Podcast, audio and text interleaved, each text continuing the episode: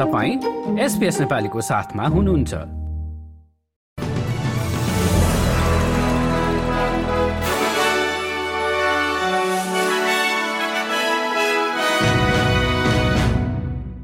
नमस्कार आज सोमबार सोह्र अक्टोबर सन् दुई हजार तेइस अब पालो भएको छ एसपीएस नेपालीमा आजका प्रमुख समाचार छोटकरीमा सुन्ने।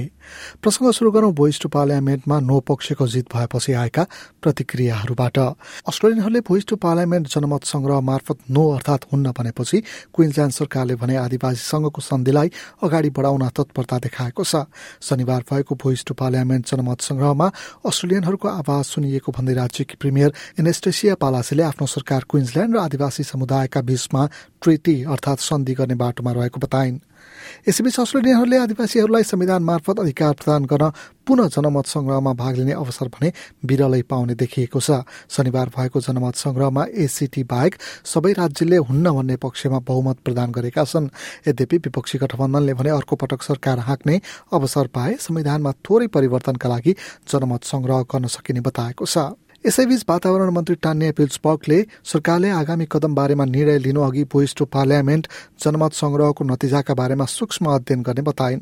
जनमत संग्रहमा करिब साठी प्रतिशतले भोइसलाई हुन्न भन्ने मत जाहेर गरेका थिए। अर्को एक समाचारमा इजरायलमाथि हमासले गरेको आक्रमणप्रति प्रधानमन्त्रीले संसदमा औपचारिक रूपमा निन्दा गरेका छन्। उनले हमासलाई शान्ति विरोधीको संज्ञा दिए।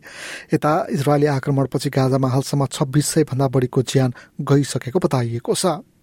अर्को समाचारमा अस्ट्रेलियाले क्रिप्टो जस्ता डिजिटल करेन्सीलाई व्यवस्थित गर्नका लागि कदम चाल्ने संकेत गरेको छ। ट्रेजरर जिम चामसले क्रिप्टो र डिजिटल एसेट प्लेटफर्महरूलाई अस्ट्रेलियाको वित्त सेवाको कानूनभित्र ल्याउने प्रस्ताव गरेको बताएका छन्। यस्ता प्लेटफर्म सञ्चालन गर्नेहरूले अस्ट्रेलियाको वित्त सेवा सम्बन्धी लाइसेन्स लिनुपर्ने नियम पनि ल्याउन प्रस्ताव गरिएको उनले बताए। अर्को समाचारमा भिक्टोरियामा डेरी व्यवसायमा कार्यरत करिब चौध सय कर्मचारीहरू तलब र सुविधामा सुधारको माग गर्दै हडतालमा उत्रने भएका छन्। सपुटो फोन्टेरा पिटरसन लाक्टासिस जस्ता ठूला कम्पनीमा कार्यरत कर्मचारीहरू बुधबारदेखि चौबिस घण्टे हडतालमा उत्रन लागेका हुन्।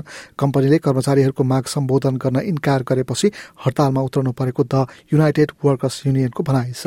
अर्को समाचारमा वेस्टर्न अस्ट्रेलियाले हतियार सम्बन्धी कानूनलाई परिमार्जन गर्ने भएको छ। सरकारले सर्वसाधारणको सुरक्षा र बन्दुकको लाइसेन्स लिएका बीचमा सन्तुलन कायम गर्न खोजिरहेको बताइएको छ। अब भने खेल समाचार म्यान्चेस्टर सिटीकी अस्ट्रेलियन खेलाडी मेरी फोलोले वुमन सुपर लिगमा देखाएको खेल प्रस्तुतिको प्रशंसा भएको छ।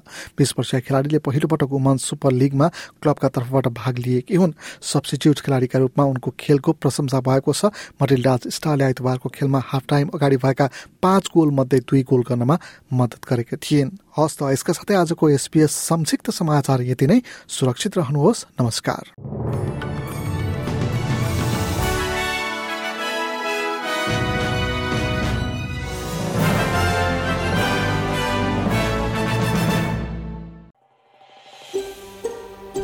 यो जस्तै अन्य प्रस्तुति सुन्न चाहनुहुन्छ? एप्पल पोडकास्ट गुगल पोडकास्ट स्पोटिफाईमा हामीलाई खोज्नुहोस् वा तपाईँले पोडकास्ट सुन्ने अन्य सेवामा।